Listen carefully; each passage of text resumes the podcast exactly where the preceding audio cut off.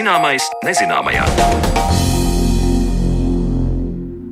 Esiet sveicināti skanēt sāk raidījumu zināmais nezināmajā, un ar jums kopā esmu es Sandra Kropa. Šodien raidījumā mēs runāsim par elektroniskām ierīcēm, kuras ikdienā darbinām un par kuru drošību ik pa brīdim noraizējušies ir arī mūsu klausītāji. Vai mobilais telefons, dators, mājasēmniecības tehnika un citas elektroierīces atstāja ietekmi uz mūsu veselību, un kas īsti ir elektromagnētiskais starojums, par šo tad runāsim raidījuma otrajā daļā, kad pie mums viesosies eksperti un viesīs skaidrību šajos jautājumos. Taču pirms pievēršamies elektromagnētismam, ieklausīsimies arhīva stāstā par brīvajiem radikāļiem. Vārdu salikums brīvie radikāļi vairumam no mums saistās ar nevēlamām izmaiņām organismā, arī tādām, kas izraisa saslimšanu ar vēzi. Faktori, kas veicina brīvo radikāļu veidošanos mūsu ķermenī, ir daudz, bet vienlaikus brīvie radikāļi mums ir arī nepieciešami. Kas ir šie savienojumi un kādu lomu tie veids, par to Mariona Baltkalne. Brīvais radikālis ir līdzīgs kaķim, jo kaķis dara, ko grib, un neviens saimnieks tam neko nevar iestāstīt vai piespiest. Tā puspa jokam saka Andrejs Šķesters, bioloģijas zinātņu doktors, asociētais profesors, Rīgas Stradiņa Universitātes bioķīmijas zinātniskās laboratorijas vadītājs un vadošais pētnieks. Ir pagājis mazliet vairāk nekā gadsimts kopš tā brīža, kad ķīmiķis Mūzes Gombergs uzsāka brīvo radikāļu izpēti. Līdz ar to zinātnē visai īsā laika periodā ir izdevies diezgan daudz izprast brīvo radikāļu dabu. Šobrīd jau zinām, ka brīvais radikālis ir atoms, molekula vai jons, kam ir vismaz viens brīvs elektrons, tātad elementāra daļiņa ar negatīvu elektrisko lādiņu, un šo brīvo elektronu tālāk var likt lietā dažādās norisēs. Brīvo radikāļu pasaule ir daudzveidīga, to veido vairākas grupas. Ir skābekļa un slāpekļa brīvie radikāļi, ir skābekļa un slāpekļa aktīvās formas, un tām pieskarsimies arī tālākajā sarunā. Stāstu turpina Andrejs Šķesters. Pats pirmais tāds brīvais radikālis, kurš varētu teikt vienas pasakas, vārdiem ir maigs kā jēriņš. Tas ir superoksīds vai eh, zinātniski izsakoties superoksīda aniona radikālis. Nekādu sevišķu ļaunumu viņš nevar nodarīt. Līdz kamēr viņš satiek, piemēram, brīvu dzelzceļa jonu, brīvu varajonu, brīvie radikāļi, tad sākot no superoksīda, sāk dzīvot, nu, nosacīt savu dzīvi. Īsu, bet vienalga. Pieņemsim, satiekās ar slāpekļa oksīdu, veidojas ļoti spēcīgi slāpekļa radikāļi. Savienojas ar chlorātomu, kas arī mums ir organismā. Tāpat mēs ļoti labi zinām par uh, fagocitozes procesiem, par fagocītiem, kad nu mūsos ir nokļuvusi kāda sēne, vīruss, baktērija vai galu galā vienkārši skabarga. Tad organisms pats par sevi mobilizē uh, fagocītus, un fagocīti tad izmanto arī vienu no nu, es gribētu teikt, visaktīvākajām, viskodīgākajām, visagresīvākajām uh, brīvo radikāļu formām, kur radikālim ir pievienots chlors. Maisaimnieces noteikti ļoti labi zina, ka kādreiz, un arī vēl tagad, ir ļoti daudzi tīrīšanas līdzekļi, kuros izdalās aktīvais chlors. Apmēram tāpat, protams, uh, nesalīdzināmi zemākās koncentrācijās ir arī fagocitos procesos. Kādreiz man studenti arī saka, bet uh, pasniedzēji ir taču tik daudz sintētisku, dabisku antioksidantu. Ja? Nu, paņemsim vienu sauju un, un nebūs vairāk to brīvo radikāļu, kuri tik tiešām cauršauj. Ja tā varētu teikt, šūnas membrānas. Un salīdzinot ar viduslaiku pilsētu, viduslaiku mūriem, tad šāda pilsēta kļūst par caurstaigājumu sētu. Jo, ja pirms tam uh, vārtos stāvēja sardze, kura vienu laidi iekšā, citu atkal met ārā no tās pilsētas, viņam tur nebija ko darīt, viņam bija jālabojas, lai viņš tiktu atpakaļ pilsētā, tad ļoti līdzīgi mēs varam runāt arī par šūnu, salīdzinot šādi.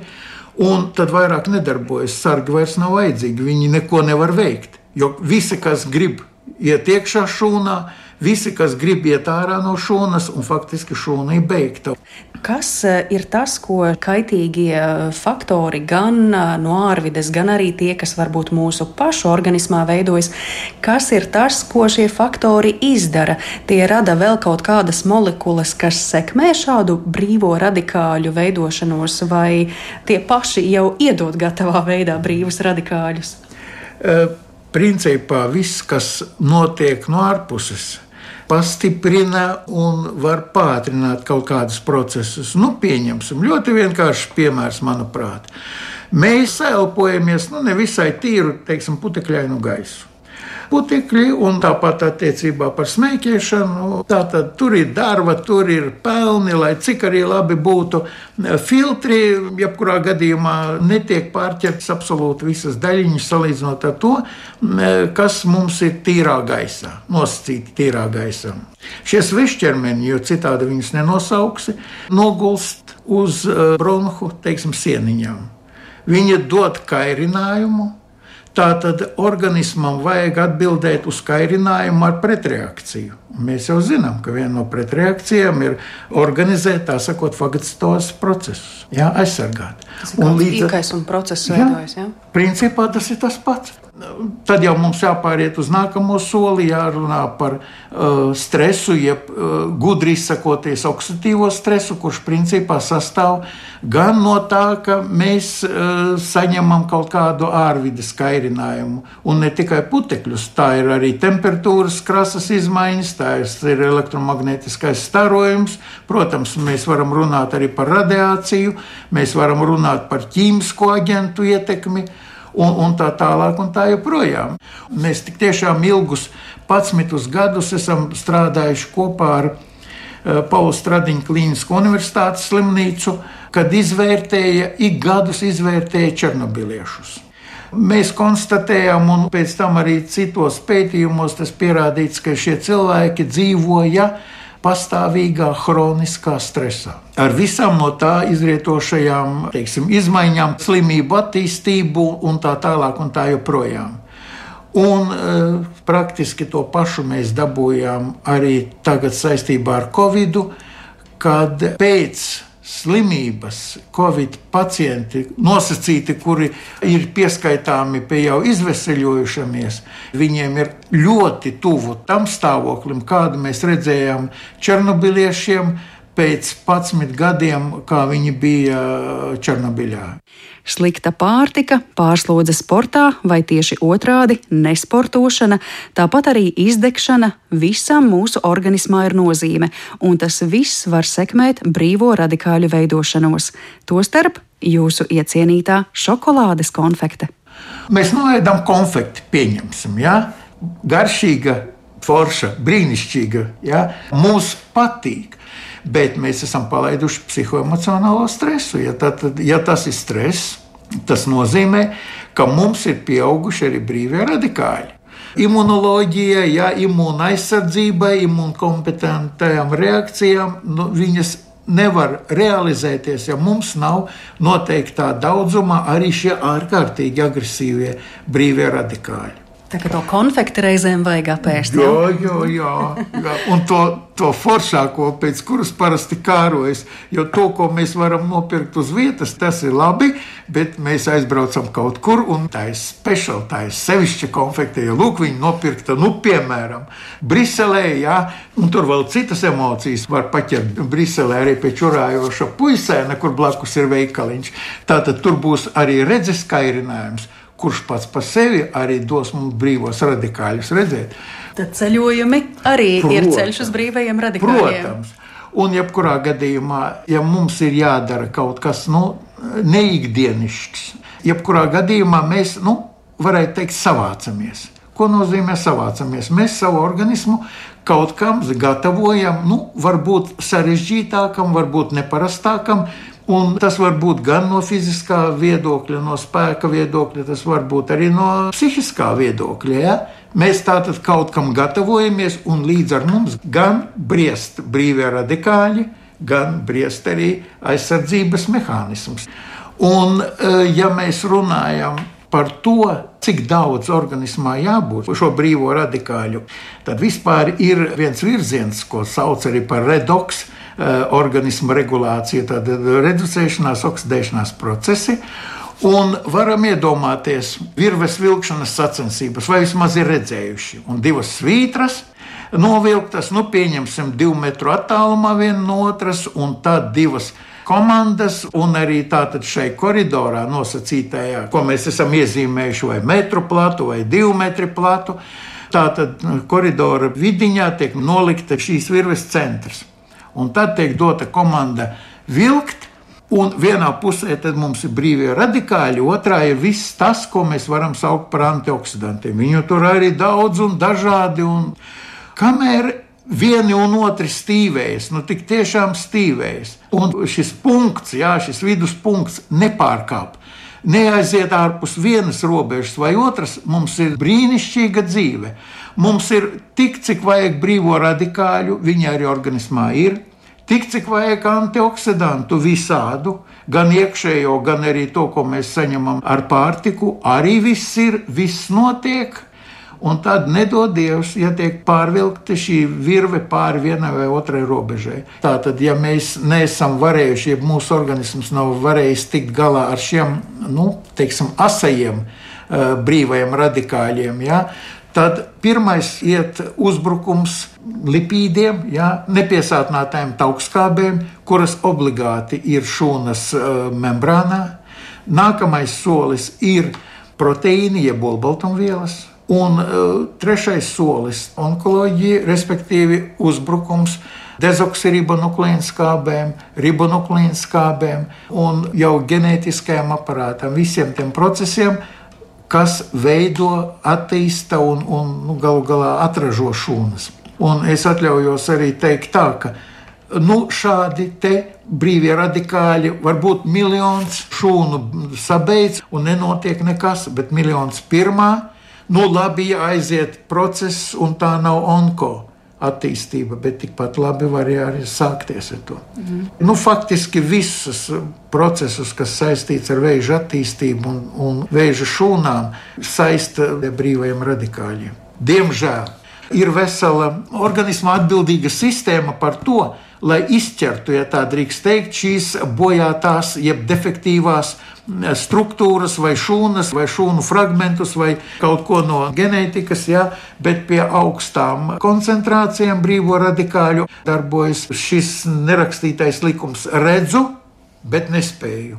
Es redzu, ka man tur būtu jāpiedalās, ka ir jāpārķer, jānovirza, jānovāc vai jālabo, bet es nespēju. Jo brīvie radikāļi tādā koncentrācijā ir nobloķējuši arī šos labotāju mehānismus. Un tas process aiziet tālāk, dziļāk un neatgriezeniskāk. Un līdzīgi ir uz otru pusi.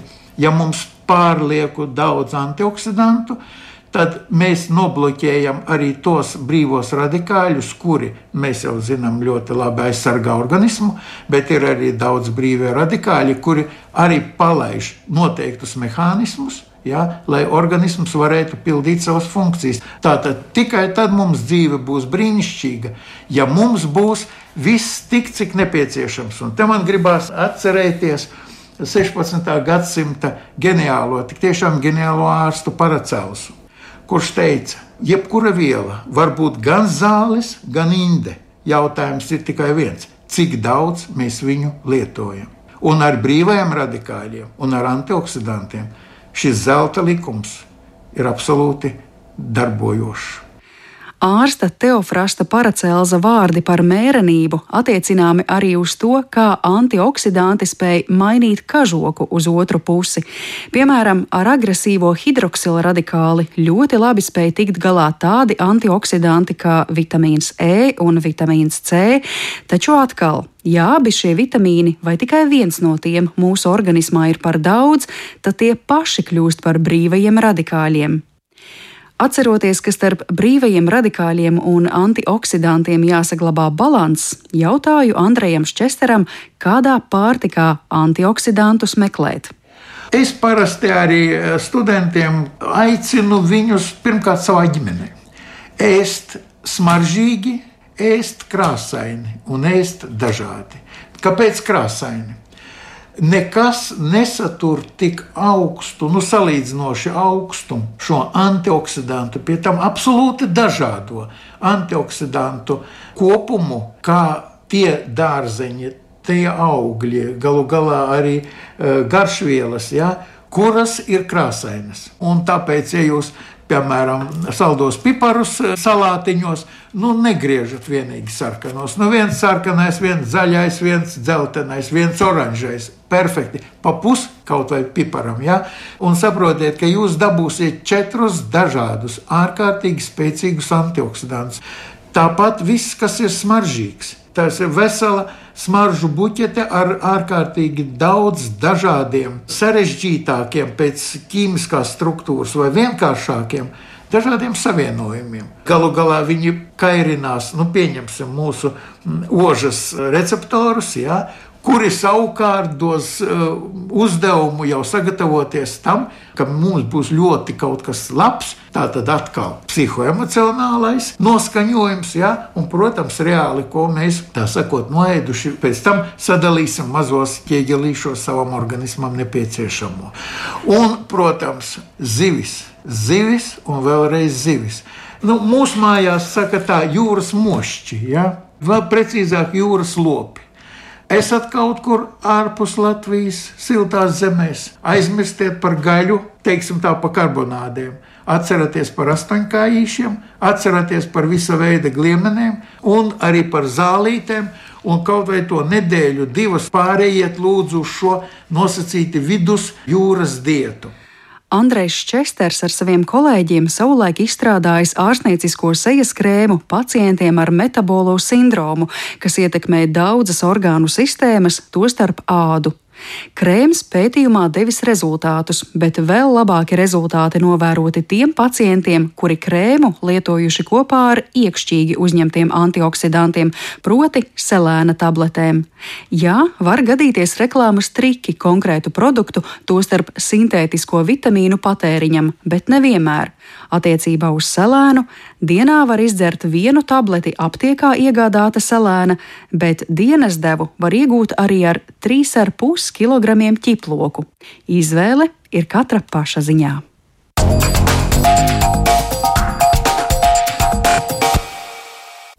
Dzirdējām mūsu arhīvu stāstu par brīvajiem radikāļiem, bet turpmākās minūtes veltīsim elektromagnētiskajam laukam un tam, vai mobilais telefons atstāja ietekmi uz mūsu veselību.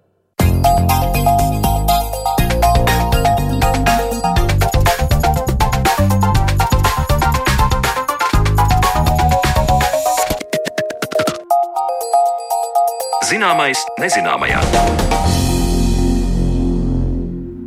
Mūsu ikdiena ir piesātināta ar dažādām elektroniskām ierīcēm, bez kurām nu jau nevaram iedomāties pilnvērtīgu ikdienu. Taču nevienu viens atrauc, vai šīs daudzās un dažādās ierīces rada kādu ietekmi uz mūsu veselību. Pēc klausītāja lūguma šodien mēs runāsim par to, kas ir elektromagnētiskais starojums un ko tad pētījums saka par to, kas ir un kas nav kaitīgs cilvēkiem. Un tāpēc es sveicu studijā Gundaru Ašmani, Latvijas elektronikas iekārtu testēšanas centra tehnisko direktoru. Labdien! Labdien! Kā arī Rīgas Stradiņu universitātes darba drošības drošības un vedes veselības institūta direktoru Ivaru Vandziņu. Labdien! Mm, labrīt, labdien! Sākšu ar to, cik pamatoti vai nepamatoti runāt par to, ko mēs ļoti bieži dzirdam, kas cilvēks atraucamies, ka mēs nemitīgi atrodamies tādā kā elektromagnētiskā starojuma laukā, un tas mums ir vai nav kaitīgs. Tad, droši vien, nonāksim līdz tam, kurā brīdī, kurā devā un cik ilgi, bet vispirms par to, cik ļoti mēs esam nu, patiesībā nemitīgi savā ikdienā nu, jau iekļauti dažādā elektromagnētisko ierīču iedarbības zonā. Gundars, sākuši ar jums. Mēs atrodamies vidē, un šajā vidē izplatās uh, elektromagnētiskais lauks, šie viļņi. Un radiospektrs kā tāds ir aizņemts patstāvīgi, sākot no kilohertz diapazona līdz pat augstiem gigahertziem. Līdz ar to šis visums ir apkārt, un nav pat īsti vietas, kur ie, ielikt jaunas komunikāciju kanāls, jo viss šis spektrs ir aizņemts. Šī enerģija ir mums visap, visapkārt, un šeit mēs dzīvojam. Un papildinot, laikam jāpiebilst, ka uh, nekas jau nav tāds ļoti jauns, jo arī Zemē ir zināms dabiskais elektromagnētiskais lauks, vēl bez vis tā, ja, bez, bez šiem daudziem ierīcēm, kuras ir tiešām visapkārt. Tas sanāk tā, ka mēs, lai kur ietu, pat ja mēs vienkārši uzturamies dabā, mēs esam šajā lauka. Kāds, tur būs dabas, un tur būs arī kāds radiovilnis kaut kur klīdīgs garām, droši vien, vai ne? Kā... Es teiktu, ka nē. Ir vietas, kur šī elektromagnētiskā lauka nav. Piemēram, mēs varam arī izbeigt no Zemes elektromagnētiskā lauka. Mēs viņu varam nokompensēt īpašās kamerās. No elektromagnētiskā spektra mēs varam izbeigt telpās, kuras ir ekranētas, ekranētās telpās.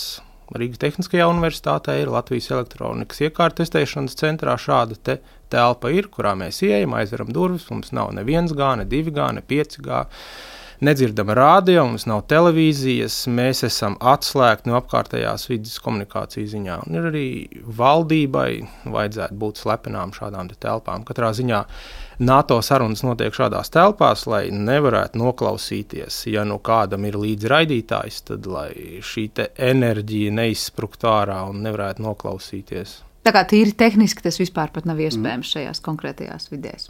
Jā. Bet, lai radītu tādu vidi, ka mēs teiktu, nu, tajā telpā viss ir slāpēts tik ļoti, ka tur pat nekāds zemes elektromagnētiskais lauks neietekmē, kas ir tas, kas spēj, var teikt, nu, uztaisīt to barjeru šai, šai elektromagnētiskai sienai, teiksim tā. Eh, sākot ar augsto frekvenču diapazonu, terahertz, gigahertz un megahertz, tur ir pietiekoši ar vadošu materiālu, elektrisku vadošu materiālu, varš, alumīnijas. Uh, ar foliju izklāt grieztus, sienas grīdas, aizlīmēt arī durvis un logus, lai mums nebūtu atveres, kur ienāk šī enerģija iekšā. Tāpat mums vajadzētu nogriezt rozetes, jo arī caur vadu šī enerģija mums ienāk iekšā. Tas būtu no megahertziem līdz gigahertziem, terahertziem. Zemākā frekvenču diapazonā tur jau mums ir nepieciešams biezs materiāls, tāds, kurš strādā kilohertzu diapazonā.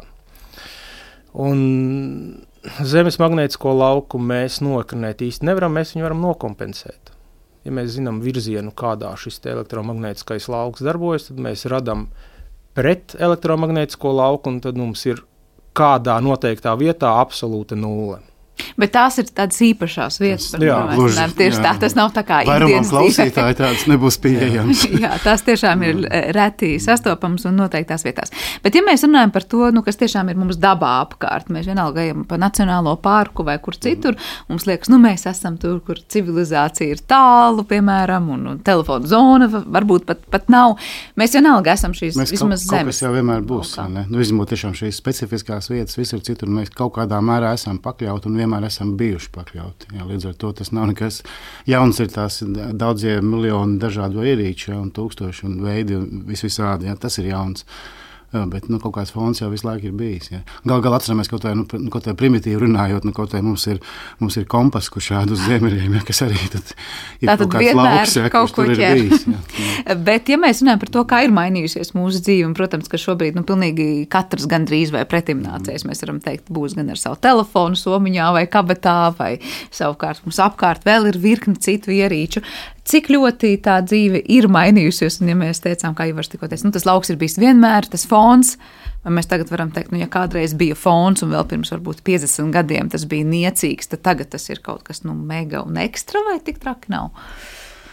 Kurš sāks ah. Ivert, varbūt? Es nesaprotu tādu vispārējo, jo, jo to tehnisko pusi noteikti Gundars ir nesalīdzinām kompetentāks, bet es gribēju teikt to, ka, manuprāt, es sadzirdēju tādu foršu atslēgas vārdu par to ekranēšanu ja, kas ir faktiski tāda zināma veida frekven, nu, tām, teiksim, frekvencēm, kas ir ne ļoti zemas. Ja, mums faktiski ļoti labi ekranē gan drīz jebkas.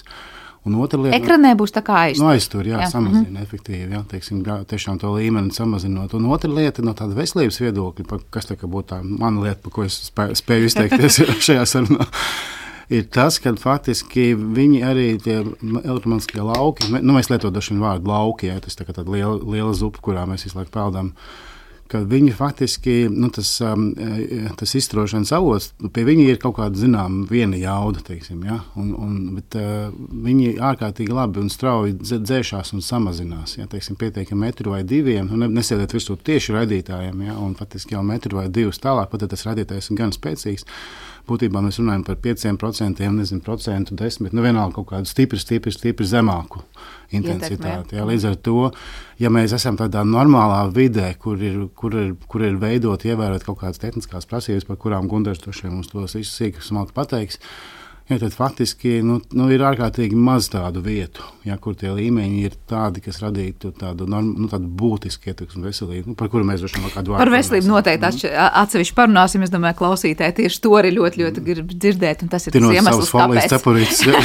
ne, nu, ne tikai, es domāju, runājot jau par tādu līmeni, bet es domāju, nu neviens vienreiz domās, ne, protams, kas notiek jā, tam rūterim blakus guļot, piemēram, guļamistabā. Ja? Mm. Bet Gundaram droši vien ir ko piebilst un komentēt par to, kā tā pasaule ir vai nav mainījusies, ja skatāmies, nu, tad, kad to ierīču mums ir kļuvis vairāk un nenoliedzami mēs eh, dzīvojam tādā nu, ierīču laikmetā, salīdzinot ar mm, pāris desmitgadēm senā pagātnē. Nu, ir palikuši vairāk eh, avotu, šo te portatīvo avotu un stacionāro elektromagnētiskā lauka avotu. Mums uz katras mājas ir bāzes stacija, uh, Katrā dzīvoklī ir vismaz viens rūteris un mm. trīs, četri patērētāji. Deviņi stāv daudz dzīvokļu māja, reizinam deviņi stāvi, četri dzīvokļi stāvā. Simti. Jā. Nu, kāds ir mainījies filozofisks jautājums? Mēs vēl neesam nodzīvojuši tik ilgi, lai justu šo iedarbību. Jo, nu, pirms 20 gadiem nevienā no mājām nebija ne routeris, ne, ne mobilais telefons un dators, kurš nepārtraukti būtu online.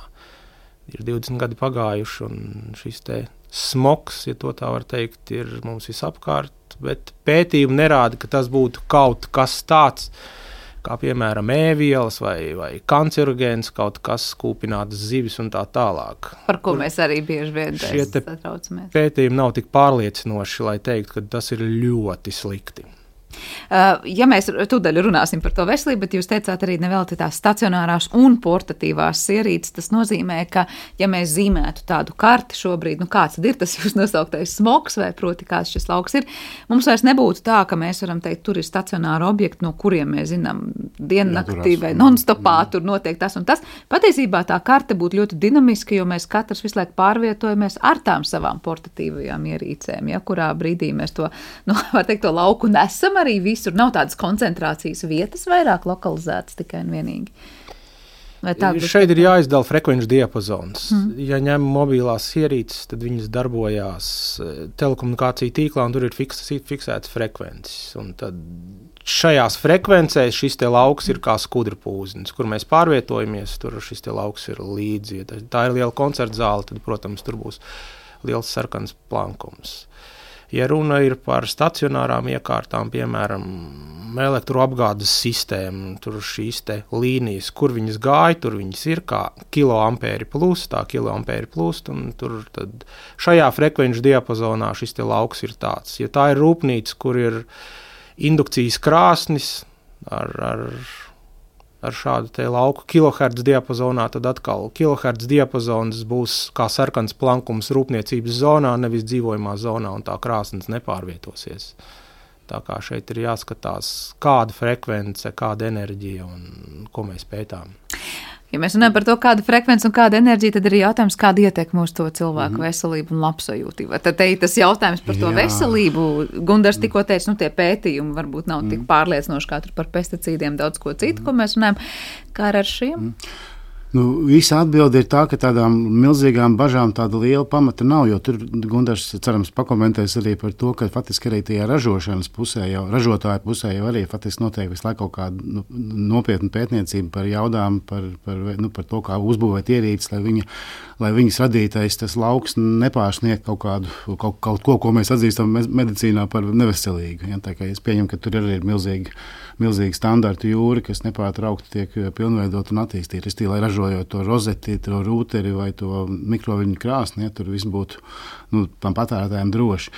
Un, bet, eh, bet kopumā ņemot, ir tā, ka faktiski vienā īsā teikumā es teiktu, ka ja mēs lietojam atbilstoši ierīces, atbilstoši tam mērķim, viņas ir ražotas atbilstoši tehniskiem standartiem un ir darba kārtībā un mēs nedarām kaut kādas pilnīgi totālas vaiprātīgas muļķības, tad faktiski pamata bažām īsti nav. Ja? Gundars, nu, viņa vadīta organizācija mēra kaut kādus nu, savus parametrus, ja, par ko mēs droši vien dzirdēsim. Mēs savukārt mēram teiksim, no tāda vidas, vidas veselības viedokļa. Es gribētu teikt, to, ka mums ir nu, teiksim, nu, nav ļoti daudz, bet nu, noteikti ir simtos dažādu mērījumu. Nu, specifiski vairāk darba vietās, jo tur tās koncentrācijas mēdz būt augstākas. Un mums faktiski nav neviens mērījums Latvijā, kas būtu pārsniedzis to, to ko medicīnā būtu, nu, ko, kas būtu traktēta kā tāda bīstamā, jeb šī ekspozīcijas darba, vērtība. Bet tad, kad mēs dosim vārdu Gundaram komentēt tikko teikto izskanējušo un vēl te papildus jautājumu, kas ir tas veselībai bīstamais nu, no tādas jā, bioloģijas jā, viedokļa, tad, tad, kas tad notiek? Ir, tad ir tā nākamā lieta, tad par to ietekmi. Tur faktiski ir jāsaka tā, ka tur, tā ir tāda, nu, šī ir tāda ļoti smalka lieta, jo tā problēma, problēma kas arī šeit izskanēja jau vairākas reizes, ir tās frekvences un intensitātes. Un mēs faktiski visu laiku esam tādā kaut kādā nemitīgā kombinācijā. Pirmkārt, ir tā elektriskā lauka komponente, tā magnētiskā lauka komponente. Ja, tās jau tur viena otru nepārtraukti ietekmē. Nu, viņas ir mainīgas nepārtraukti laikā un telpā. Bet nu, būtībā ir tā, ka mēs faktiski dalām tā, nu, ir, nu, mēs runājam tā ļoti struktūrēti runājot. Te ir tātad īstermiņa efekti un ilgtermiņa efekti. Par ilgtermiņa efektiem faktiski tas, kas jau no Gundara izskanēja, un es pilnībā pievienojos pētīts jau desmitiem gadu, un faktiski izņemot uh, viena veida, vienas frekvences radioviļņus, nu nekas tiešām. Nu, pagaidām mēs neko neesam pamanījuši. Tā izņemot viena veida, nu, tas, tas ir, ir radioviļņi, jā, bet tur jā? ir milzīgas jaudas un, un, un tie jāsēž tieši atrunāt virsū. Jā, tas, nu, tas nenozīmē, ka es Morits salā klausos radio, ka tas ir, ka tas ir bīstam kaut kādā veidā. Nē, jā, tas tie, tieši pie raidītāja kaut kādos specifiskos apstākļos, nu, tur tie, tie līmeņi var būt veselībai kaitīgi. Uh, ilgtermiņā. Tad par ilgtermiņa iedarbību mēs tiešām nu, nu, pagaidām tā zinātniskā pasaule, kāda nu, ir ar metodēm, kuras mums ir pieejamas, tā skaitā arī attiecībā uz mobiliem tālruņiem, nu, mēs neko pārliecinoši sliktu tiešām neesam atraduši. Un pētījumi ir bijuši nu, nu, nu simtiem un milzīgās, miljoniem lielās populācijās. Nu, tiešām nav. Tad tā tā, tā, tā, ilgtermiņa, ja? tad ir tā īstermiņa ietekme, un tur mēs faktiski dalām, tur ir mazliet interesantāk, jo tur, protams, kad ja ir kaut kāds līmenis pārsniegts, tad tie efekti uz veselību ir. Ja? Bet tā kā jautājums par to nu, robežvērtību, mm -hmm. par to devu. Jā, tur ir um, tāda īpatnēja lieta, ka mēs runājam par tādiem nu, netie, pirmkārt netiešiem efektiem un tiešiem efektiem. Netiešie būtu nu, piemēram, klasiskākais piemērs, ko nu, vairums klausītāju atpazīs un sapratīs. Piemēram, man ir implantēts tur, nezinu, gūžas locītājs, sirds stimulators, jā, nu, kaut kas tamlīdzīgs, ka, kas tiešām var reaģēt uz kaut kādu elektronisko lauku. Tad tie būtu tie netiešie efekti. Vai, teiksim, kaut kas ir uzsprāgt vai dzirksteļot vai, vai kaut kādas nu, tādas, tādas darbības būtu. Ja, Bet tam cilvēkam, piemēram, ar to sirds stimulātoru būtu jānonāk tad specifiskā vidē. Viņam būtu, jau, viņam, ne, nu, tad pie zināma līmeņa viņam, protams, ir jāuzmanās. Bet tas līmenis rodas kur, nu, piemēram, to līmeni var redzēt. Ciemos atnāk ne, nu, ciemos, nē, bet, nu, aizejot, teiksim, uz, uh, uz, teiksim, da, uz uh, magnētiskās rezonances izmeklējumu mm -hmm. vai kaut ko tam līdzīgu. Ja tur skaidrs, ka viņš nu, nevar, vai ejot caur lidostā, teiksim, caur rengeniem vai kaut kā, nu, kas nav varbūt, nu, nevis varbūt, bet nav elektroniskā lauka stāsts, bet, nu, piemēram, ja, restīvi, tur šī, tur šī tā būtu tā viena tā, nu, tā netiešā ietekme. Ja tā ir pietiekami būtiska pie zināmām intensitātēm, protams, ka viņi ir jāņem vērā. Ja? Un tad ir tā tiešā ietekme. Un tad, tad tas kļūst vēl mazliet sarežģītāk, un es mēģināšu ļoti vienkāršot un īsi. Restīvi, mēs runājam par divu veidu tādām ietekmēm. Mēs runājam par nu, tādām maņas sajūtām. Restīvi, mēs, cik nebūtu jocīgi, elektroniskas lauks mēs varam just Jā, es te pirmkārt, viņi maņu orgāns ietekmē vairāk nekā citas eh, ķermeņa sistēmas, un kaut kāda rada mums tādas, tādas maldinošas un viltīgi, nu, tādas jocīgas sajūtas. Bet tas būs vairāk tā kā, kā siltumu mēs jūtam, uz uh, nu, tausta mēs kaut ko jūtam. Zemes frekvences līdz, teiksim, 100 kHz, nu, plus mīnus šie maņu efekti būs raksturīgi. Un es domāju, ka viens piemērs, ko var ļoti, iespējams, kāds no klausītājiem arī varēs atpazīt, ir, piemēram, pirmkārt, ir tā dzirdēšana, ka mēs dzirdam to lauku, lai gan objektīvi mērot tur nekā nav. Nu, decibeli tur nav, bet mēs viņu dzirdam, kas skan vai, vai sīts. Ja, tas ir viens fenomens, un otrs fenomens ļoti bieži ir tādi nu, reiboņi, redzes kaut kādas tādas tā kā, nu, tā kā šilierējās. Tas būtu pie, pie, pie zināmas intensitātes, nevis pie ļoti zemes intensitātes. Un vēl gana bieži ir tā metāliskā sajūta mutē, kas ir tāda arī. Bet tas būs tas klasisks stāsts, zema frekvence, nu, pietiekama intensitāte, protams. Ja, tas būtu tas viens. Bet tie ir faktiski arī, nu, viņiem nav tāda ilgtermiņa kaitīga ietekme, viņi mums ir vairāk mūsinoši nekā veselībai kaitīgi.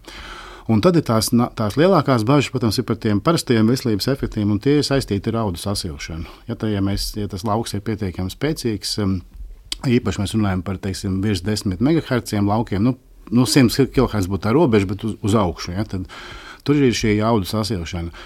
Bet atkal tad ir nākamais, kas ir klausītājiem tiešām, tiešām melnēkie zausi, ir jārunā par kādā intensitātē tas ir. Ja tajā, ko mēs sadzīvē un arī absolūtajā vairumā darba vietu varam piedzīvot, ja ko rada ierīces, kuras ir ražotas atbilstoši kaut kādām prasībām, nu, faktiski tie līmeņi nav pietiekami, lai mēs kā kaut kādā veidā šo audu sasilšanu reāli panāktu. Bet vispār viņi ir iespējami, tā ir kaitīgi, bet tad, tad ir jārunā tiešām par to, ka tam līmenim jābūt ļoti, ļoti augstam. Kā jau teicu, mums vienreiz izdevās izmērīt pie viena veca krievu fizioterapijas fizioterapijas aparāta.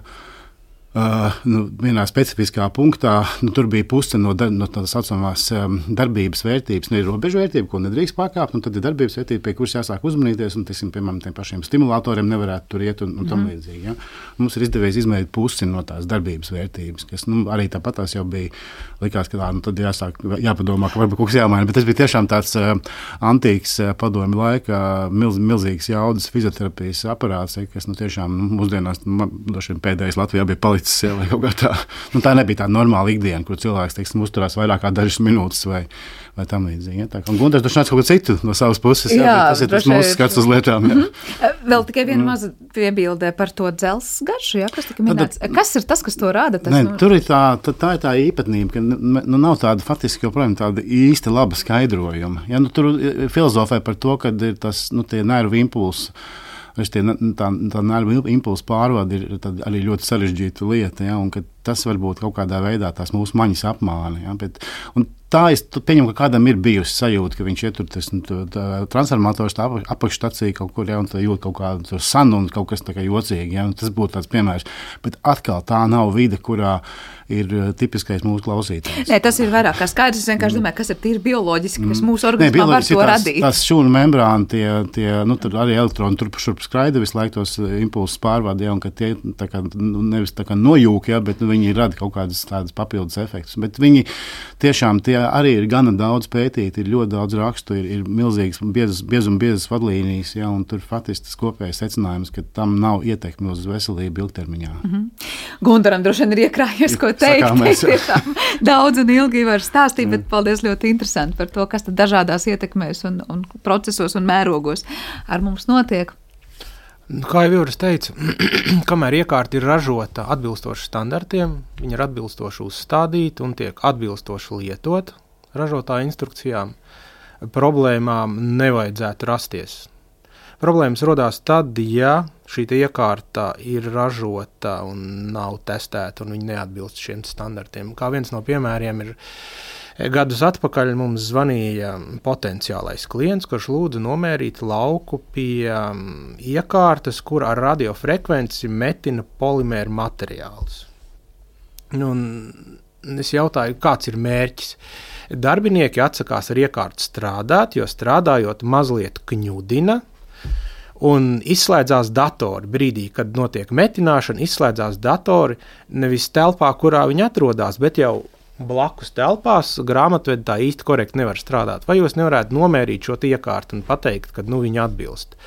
Es jau telefonā sarunā pēc šī dzirdētāja teicu, nu, mums nav jēgas braukt, šī iekārta neatbilst. Ja darbiniekus kutina un, un blakus telpā dators slēdzās ārā, tad tur ir problēma. Pirmais, kas ir jādara, ir jālasa lietotāja instrukcija, jāsazinās ar ražotāju, jāizstāsta, kādi ir simptomi, un tad šī problēma ir jārisina.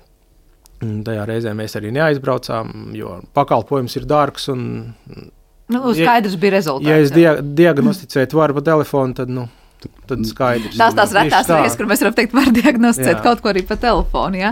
Bet, ja mēs runājam par to, eh, nu arī Ivars šeit pieminēja, nu, ja nedara trakas lietas ar to iekārtu, ko tas nav paredzēts, kādi ir varbūt piemēri, kur mēs varam teikt, nu, cilvēki lūdzu nedariet to un to, un to lai mēs teiktu, jūs, jūs sāksiet neapzināti nepareizi lietot kaut kādas ierīces un radīt kaut kādu apdraudējumu sev un pārējiem. Pirmais, kas man nāk prātā, tas ir jaudīgākais starotājs, ko mēs maisaimniecības vidē varētu atrast. Ir pāris simts vatu starotājs, ir mikroviļņu krāsnī.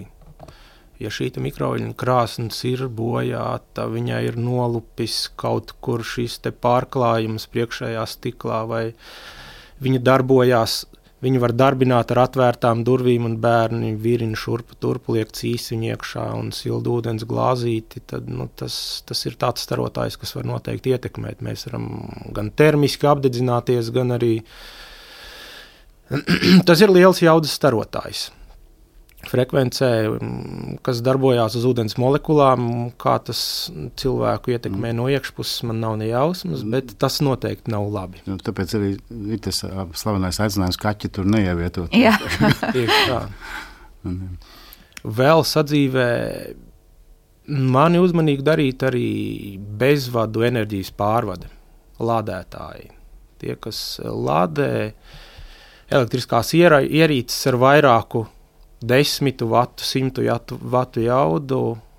Tas gan ir kilohertz diapazonā, bet arī, ja piemēram, elektriskā plīces, kuras mēs uzliekam nevis katliņu, pareizi izmēra katliņu, bet nu, mēs tur uzliekam mazu, mazu krūzīti, jo mums nepieciešams tikai kafijai. Arī tur noplūdes strāva noteikti e, noplūdes. Šis lauks nebūs tik liels, lai mūs tieši ietekmētu ātri un uzreiz, bet ja worst case Sliktākajā gadījumā. Sliktākajā gadījumā, ja tā būs grūtniece, kur katru dienu sildīs sev krūzīt ar pienu trīs reizes dienā.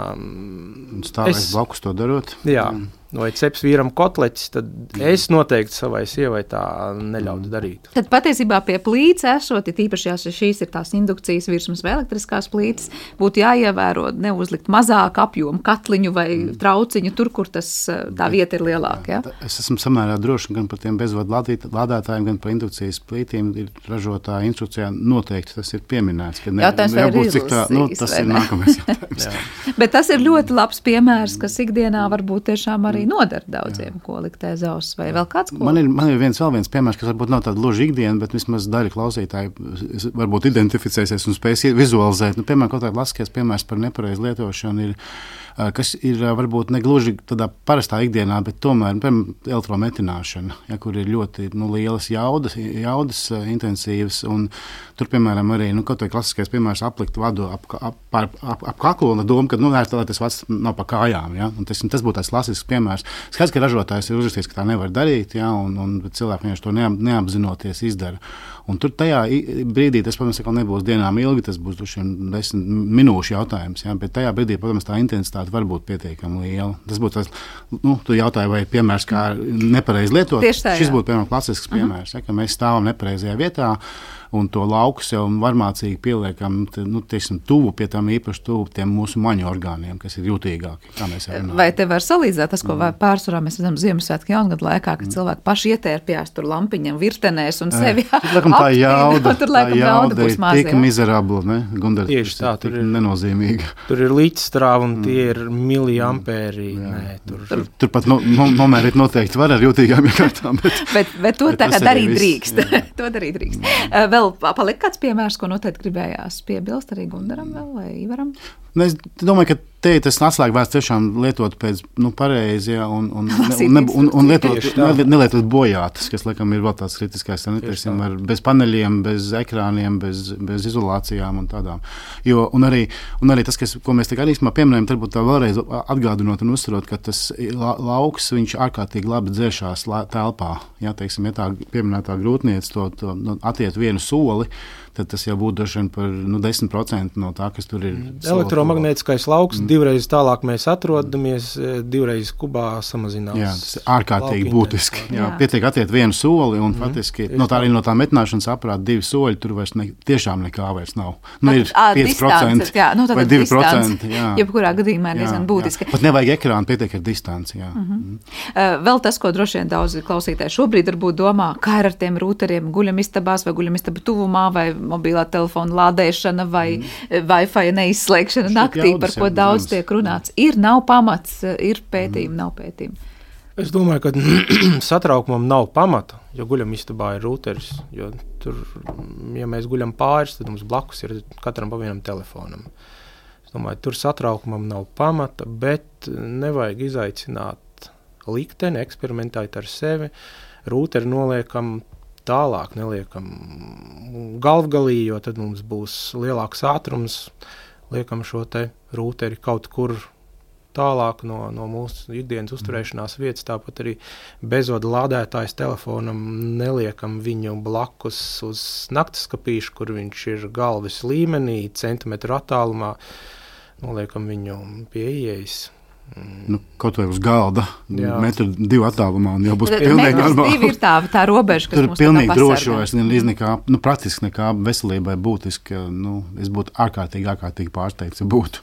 Eh, vēl parasti, kas izskan, ir mobilais telefons, mm. non-stopā mūsu kabatās. Ir nav pamats satraukumam, vai ir par daudz labāk somiņā un uz pleca, vai, vai tam vairs nav nozīmes. Nu, kā ir ražotājiem noteiktās prasības, cik viņi jaudīgi var būt, vai ne? Gundars ir noteikti kompetentāks. Jā. Protams, labāk ir jo tālāk no jums, jo labāk. Jo mm, šis lauks ir, kā viņš ietekmē, mēs vēl nezinām, mēs esam šie trusīši.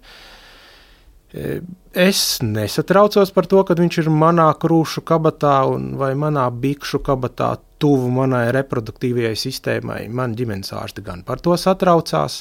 Es saviem bērniem es noteikti neļauju viņu turēt, neļaut turēt krūšu kabatā vai, vai patstāvīgi pie auss un runāt. Mm. Bet, bet te ir nu, nu, viens tas, tiešām, tas, ka ražotājiem ir šīs, te, nu, viņas arī telefons testē vai ne pārbauda. Tieši tā. Jā, lai, lai, lai tie līmeņi būtu nu, tik, cik ir veselībai droši. Bet, protams, ka piesākāties droši vien nekad neskādē, bet es gribētu teikt to, ka arī nu, vietāluns, kā mēs viņu pazīstam, man šķiet, viņam pašlaik ir 16 gadi, ja? vai kaut kas tāds. Līdz ar to nu, mums faktiski ir, nu, cik, droši vien kādi 4-5 miljardi ierīču pasaulē, mobilo pašlaik es pieņemu. Nu, daudz, nu, daudz kā miljardos noteikti. Ja? Un mēs šo 10-15 gadu laikā faktiski joprojām intensīvi pētot, nu, neesam spējuši pamanīt. Ja? Un tad man arī teiksim, kāds ir nu, tādā mm, paziņu draugu lokā teicis, nu jā, nu, te telefonu tur es tur parunāju četras stundas, man tur galva dulta, tas elektroniskais lauks tur vainīgs, ja? Bet viņš ir četras stundas turējis galvu pie, uz vienu plecu noliekt, ja? Droši vien pie stacionārā vecā telefona savulaik mēs tieši tāpat jūs nu, tieši, ja? par, par to ir runa, jā, restīvi Tas ir jāatcerās arī. Ja? Kad mēs četras stundas norunājam pa telefonu, mēs tāpat esam dūli. Tur nav nekāda saistība ar elektronisko lauku. Nevajag vainot viņu. Tā, bet Gunārs teica, ka ģimenes ārsts okay. atraucās atkal savukārt. Nu, proti... Ģimenes ārstam darbs droši vien pirmkārt. Viņam specializācija ir medicīna, nevis, nevis elektromagnētiskais lauks. Arī a, tad, mm. tur būs atslēgas vārds. Bet vēl, ko mēs parasti par citu veidu piesārņojumu runājam, ka sakam, normas nav pārsniegtas, bet ko darīt tad, kad veidojas vielu kokteils, vai mēs varam teikt, ka veidojas ierīču un dažādu avotu kokteils, un tad ir mm. kaut kādas problēmas ka visi nu, viņš ir kokteils ir visu laiku. Kokteils praktiski būs jebkur, nu, izņemot tās speciālās dažas vietas, Gundara aprakstītās, viss kokteils būs visu laiku. Un nav tā, ka visur ir atļautā norma un kopumā mums ir viena vienīga neatļautā nu, arī, norma. Arī mums mērot, es nezinu, kā, kā Gundara laboratorija mēra, nu, nu, nu daudz precīzāk un smalkāk, bet mēs arī tomēr skatāmies faktiski, mēs redzam katrai frekvencei viļņa garumam bet būtībā tur arī ir tādas ļoti sarežģītas formulas, kas to liek kopā. Nu, tā, nu, tas ir ļoti vienkāršojot. okay. ja, bet nu, mēs to, to zupu kopējā temperatūru viņai nosakām. Nu, tā ļoti vienkāršot mazliet runājot liekot punktu pamazām sarunai, esam nonākuši pie pēdējā jautājuma par to, kā Latvijā pārbauda, testē un mēra šīs lietas. Ivar šeit pieminējās, ka droši vien jūs abi to darat mazliet atšķirīgi, un tur var teikt, ka jūsu pārstāvētā organizācija ir tā, kas nu, tiešām visprecīzāk un jutīgāk nomērīs kas kur atrodas Latvijā un kādos līmeņos. Abi raugamies uz Gunteru. es domāju, ka ir lietas, ko mēs varam nomērīt daudz precīzāk, bet mēs mēram nevis šo lauku un viņa ietekmi attiecībā uz cilvēku un izvērtējam normas attiecībā uz cilvēku. Mēs šīs normas vērtējam attiecībā uz citām elektroniskajām iekārtām, kuras atrodas mūsu vidē, jo viņas ir daudz jutīgākas un viņām te, šī lauka intensitāte ir nepieciešama daudz mazāka, lai viņas to justu sāktu bojāties. Ja mēs varam teikt, kamēr viss ir kārtībā ar ierīcēm, mēs varam būt mm. droši, ka arī tieši tā. Tieši tā.